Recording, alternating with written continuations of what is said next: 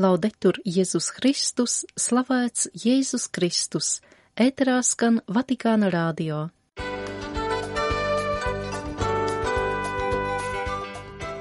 Sestdienas 3. februāra raidījumā pavists aicina konsekrētos ļaudis izkopt savu iekšējo dzīvi. Ieskats svētā tēva svinētajā sveču dienas dievkalpojumā publicēts pāvesta vestījums 98. pasaules misiju dienai. Redījuma izskaņā garīgās pārdomas rubrikā Emmausas vakari. Redījumu noklausīties aicina Inese Šteinērte. Vēlu jums patīkamu klausīšanos!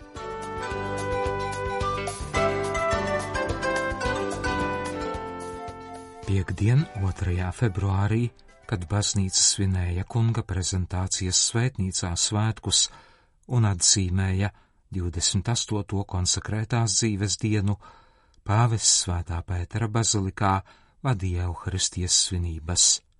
Tajās piedalījās aptuveni 5,5 tūkstoši ticīgo. Viņu vidū bija arī vairākas konsekrētās personas no Latvijas.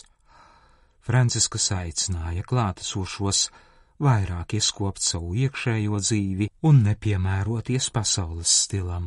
Konsekrēto, jeb dievam veltīto ļaužu dienu, baznīca atzīmēja katru gadu 2. februārī kopš 1996. gada. Tā ir 40. diena pēc Kristus dzimšanas svētkiem. Tādā veidā tiek atgādināta senā jūdu tradīcija, saskaņā ar kuru mātei, kurai piedzima dēls, 40. dienā pēc dzimšanas bija jāveic šķīstīšanās rituāls. Šis rituāls, ko veica Jāzeps un Marija, ir aprakstīts Lūkas evaņģēlijā. Tur tiek runāts par diviem dievbijīgiem sirmgalviem – Simeonu un Annu, kuri gaidīja Mesijas atnākšanu. Par Annu ir teikts, ka viņa nešķīrās no svētnīcas, kur gavēņos un lūkšanās kalpoja dienu un nakti kungam. Savukārt par Simeonu evaņģēlija autors saka, ka viņš bija taisnīgs un dievbijīgs cilvēks, kurš gaidīja Izrēļa iepriecināšanu. Homīlijā pāvests aicināja pievērst uzmanību viņu cerības pilnajām gaidām, jo viņu sirds palika nomodā kā visu laiku degoša lāpa. Reizēm vīlušies, tomēr viņi nekad nepadevās mazdūšībai, un pāvesta vārdiem runājot, nepalaida cerību pensijā. Simeona un Annas gaidīšana tika atalgota. Svētais tevs norādīja, ka dieva gaidīšana ir svarīga, jo kungs mūs apmeklē katru dienu.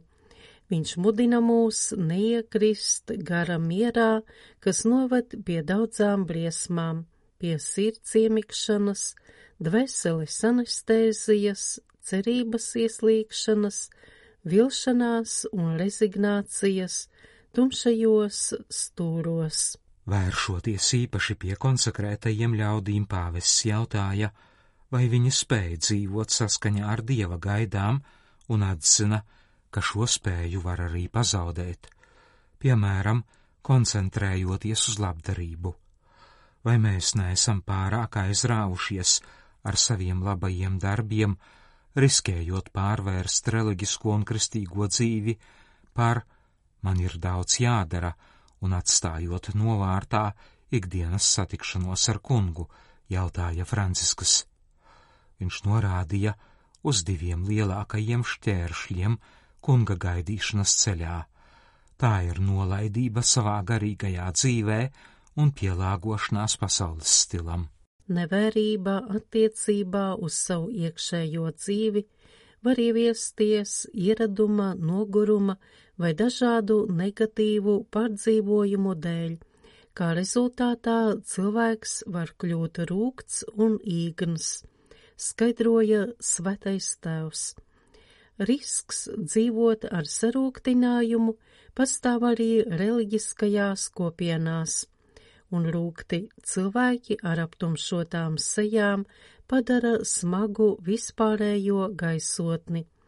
Tā vietā viņš aicināja no jauna atklāt pazaudēto žēlastību caur adorāciju un lūkšanu, atmodinot sevī ilgas pēc dieva. Otrais šķērslis dieva gaidīšanas ceļā ir pielāgošanās pasaules stilam uz evaņģēlija rēķina, norādīja pāvests. Viņš pauda bažas par to, ka pasaulē, kas cildina visu un uzreiz, kas ir pārņemta ar aktīvismu un par katru cenu cenšas aizdzīt dzīves bailes un nemieru pagāniskos patēriņa tempļos vai izklaidēs, nav iespējams palēnināt tempu un atstāt vietu dieva darbībai cilvēka dzīvē. Franciskas aicināja atteikties no neapdomīgas piemērošanās pasaules stilam. Viņš sacīja, tāpēc rūpēsimies, lai pasaules gars neiekļūtu mūsu reliģiskajās kopienās, baznīcas dzīvē un individu dzīvē, tālu no modernās sabiedrības pieņēmumiem, ka panākumi slēpjas skriešanā, gaidīšana, kas ir nobriedusi lūkšanā un ikdienas uzticībā, atbrīvo mūs no mīta par efektivitāti. Citējot franču mistiķa un filozofa Simona Veila vārdus, pavests uzsvēra, ilgoties pēc dieva un atteikties no visa pārējā, tikai tajā pastāv glābšana. Francisks aicināja klātesošos atvērties novitātes dievam. Šis solis nav viegls, jo cilvēkam ir grūti pretoties visa vecā pievilkšanas spēkam. Vai šī novitāte patiešām ienāks mūsu dzīvē, vai arī mēs drīzāk centīsimies salikt kopā veco un jauno, mēģinot panākt, lai dieva novitātes klātbūtne mūs traucētu pēc iespējas mazāk, jautāja pāvests. Vatikāns publiskojas pāvesta Franciska vēstījumu 98. pasaules misiju dienai, kas šogad tiks atzīmēta 20. oktobrī. Tās temats - ejiet un aiciniet visus uz mielastu. Konfliktu un šķelšanās pārņemtajā pasaulē evaņģēlīs aicina cilvēkus satikties, atzīt citam citu par brāļiem un priecāties par to, ka atšķirību vidū valda harmonija, raksta svētais tēvs. Dievs vēlas, lai visi cilvēki tiktu glābti un nonāktu pie patiesības atziņas. Tāpēc misija nav nekas cits, kā nenogurstoša vēršanās pie visas cilvēces. Žēlsirdīgais pestītājs vienmēr dodas pie katra cilvēka, lai aicinātu viņu iemantot svētlaimi viņa valstībā. Viņš aicina, neraugoties uz iespējamo cilvēku atteikumu vai vienācību, kā par to lasām Mateja evaņģēlija līdzībā par ielūgumu uz kāzu mielastu. Franciskas pateicas visiem misionāriem, kuri atbildējuši kunga aicinājumam, atstāja visu un devās tālu no savas zemes, lai nestu cilvēkiem labo vēsti. Šajā kontekstā viņš atgādina, ka katrs kristietis ir aicināts piedalīties universālajā baznīcas misijā, sniedzot liecību ar savu dzīvi tur, kur viņš dzīvo vai darbojas. Evaņģēlija līdzībā lasām, ka ķēniņš sūta savus kalpus aicināt viesus uz kāzu mielastu. Tas ir eskatoloģiskā mielasta tēls. Runa ir par atpestīšanu Dieva valstībā, ko iztenoja Jēzus Kristus, kamēr pasaulē mums piedāvā patēriņa, egoistiskās labklājības, bagātību krāšanas un individuālisma banķetus, Evaņģēlījs aicina visus uz dievišķo mielastu, kur valda prieks, dalīšanās, taisnība, brālīgums un vienotība ar Dievu un citiem. Pāvests norāda, ka Jēzus vārdi ejiet un aiciniet nav zaudējuši savu aktualitāti. Visai baznīcai kopā ar savu kungu un mācītāju ir jādodas uz mūsdienu pasaules krustcelēm. Tāpēc ikvienam kristietim ir no jauna jāatklāj tā misionārā dedzība, kāda vadīja pirmos kristiešus. Evangēlijas ir jāsludina visiem cilvēkiem, neatkarīgi no viņu sociālā un likumiskā stāvokļa, uzsver Francisks. Romas bīskaps atgādina, ka evanģelizācijas jautājums ir īpaši aktuāls šajā sinodālā ceļa pēdējā posmā, lūkšanai veltītajā gadā, kas tiks pasludināts, lai sagatavotos 2025. gada jubilejai. Sinodalitāte pati par sevi ir misionāra un otrādi. Misija ir vienmēr sinodāla, viņš raksta. Tāpēc gan universālās baznīcas, gan vietējo baznīcu līmenī ir svarīga cieša sadarbība misiju laukā. Svētais Tevs aicina ticīgos intensīvāk lūgties par evanģelizāciju un piedalīties svētajās misēs, lai tādā veidā visi kļūtu par cerības svēcerniekiem misionāriem ceļā uz mūžīgo kāzu mielastu, ko Dievs ir sagatavojis saviem bērniem.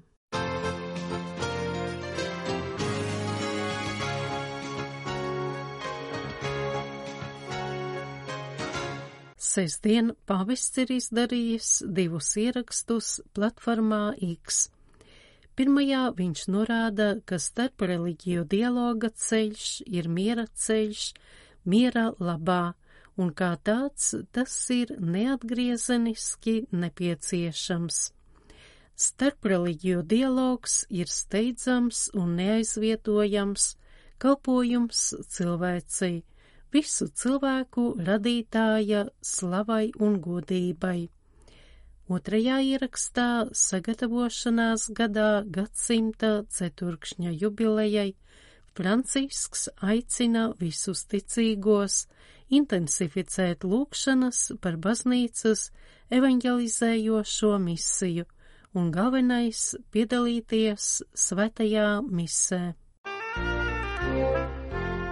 Raidījuma izskaņā garīgās pārdomas rubrikā Emmausas vakari.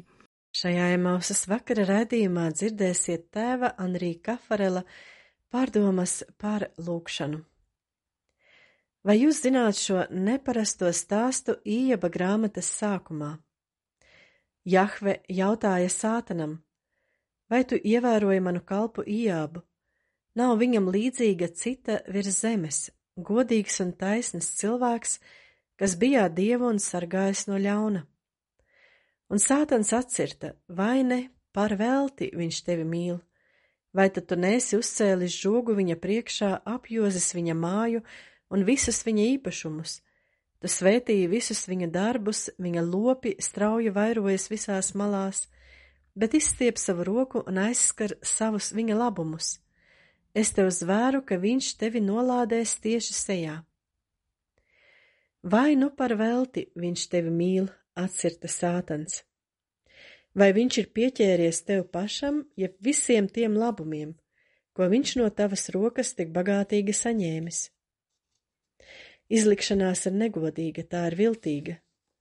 Vai ieba mīlestība pret Dievu nav tikai nicināma sevis mīlestība, kas veikli tiek sagrozīta? Un tad Ieps tiek pakļauts pārbaudījumiem un pierāda, ka viņa mīlestība pret Dievu ir īsta. Kāda sieviete rakstīja, es nespēju izvairīties no zināmas grūtsirdības, jo vairs lūkšanā nejūtu šo lielo tuvību ar Kristu, kas pēdējos gados man tik ļoti palīdzēja pārvarot ģimenes grūtības. Lasot šo vēstuli, es sev jautāju, vai jūs esat pietiekoši modra, lai izvairītos no visa, kas ved uz sevis meklēšanu lūkšanā. Negribētu jums mazināt vēlmi pēc tuvības ar Kristu. Es esmu cieši pārliecināts, ka tā ir žēlastība. Bet vai šī vēlme ir brīva no visa liekā? Vai jūs mīlat Kristu par velti? Lai nostiprinātu jūsu lūkšanu dzīvi, Dievs nereti jums ir dāvājis dzīvu savas klātbūtnes un savas mīlestības izjūtu. Lūkšana jums bieži deva prieku un dedzību. Bet vai jūs nesat pārāk pieradis pie tā? Vai neapzināti jūs lūkšanā vairāk nemeklējat maigu kunga klātbūtni, nekā lūdzaties tīri viņa godam? Es vismaz gribēju jums šo jautājumu uzdot. Kad Dievs mums dāvina jutekliskas žēlistības, tad īstenībā ir grūti pasargāties, lai mūsu mīlestībai pret viņu nepiejauktos sīka sevis mīlestība, lai mūsu vēlmei viņu godināt nepielavītos zināma egoistiska tieksme izmantot un baudīt viņu. Bet tikpat labi tā var būt dvēseles šķīstīšana, un bez šaubām šī brīža garīgais sausums ja tam nav cita izskaidrojuma. Uzticēsimies kunga žēlastībai, kas darbojas mūsos, un līdzdarbosimies ar to. Lūk, ko es jums saku. Uzsākot savu lūkšanu, aplieciniet Dievam, ka jūs šeit esat atnācis tāpēc, ka tā ir viņa griba, un tāpēc, ka vēlaties viņam patikt, ka jūs sevi pilnīgi atdodat viņa rīcībā, bez jebkādiem nosacījumiem, ka jūs jau iepriekš esat gatavs nemeklēt nekādas jutekliskas žēlistības, ka jūs pat lūdzat jums tās nepiešķirt, ja tas veicinātu viņa valstības atnākšanu un viņam dāvātu lielāku godu. Es ļoti labi zinu, ka šādi uzrunājot kungu, mēs instinktīvi izdaram it kā atkāpšanās kustību, bet šādā veidā brīnumaini tiek šķīstīta sirds. Dvēseļu šķīstīšana lūkšanā notiktu daudz ātrāk, ja tās šādi sevi nodotu labā dieva rokās, kurš ir spiests apcirst zarus, lai savu vīna koku atbrīvotu no visa liekā, lai tas nestu bagātākus un garšīgākus augļus. Bet, ja dvēseles zaudē drosmi un kā izlutināti bērni pieprasa arvien jaunas jutekliskās žēlastības, kā gan tās var progresēt? Uzņemieties drosmīgi iet šo ceļu. Es saku drosmīgi ne jau tādēļ, ka tas būtu tikai mans izteikšanās veids, bet gan tāpēc, ka šis vārds šeit ir vietā. Šī šķīstīšanās fāze ir skarba, ir nepieciešama liela vīrišķība un neatlaidība, lai spētu pieņemt zināmu jūtu prāta sirds mērdēšanu. Jo tieši to tas nozīmē mūsu jūtas, ka tam visiem spēkiem atņem maigumu un saldmi, tās šķiet mirušas. Mūsu prāts, kad tam tiek liekta katra gaisma, kad tas tiek paralizēts meditācijā, arī šķiet miris, un mūsu sirds kļūst nejūtīga, it kā nespējīga mīlēt. Var saprast seno autoru, kurš runā par lūkšanas upuri un nepieciešams uzmanīties no domas, ka lūkšanas laiks ir zaudēts laiks. Ir jāpārliecina sevi, ka šī nomiršana sagatavo augšām celšanos.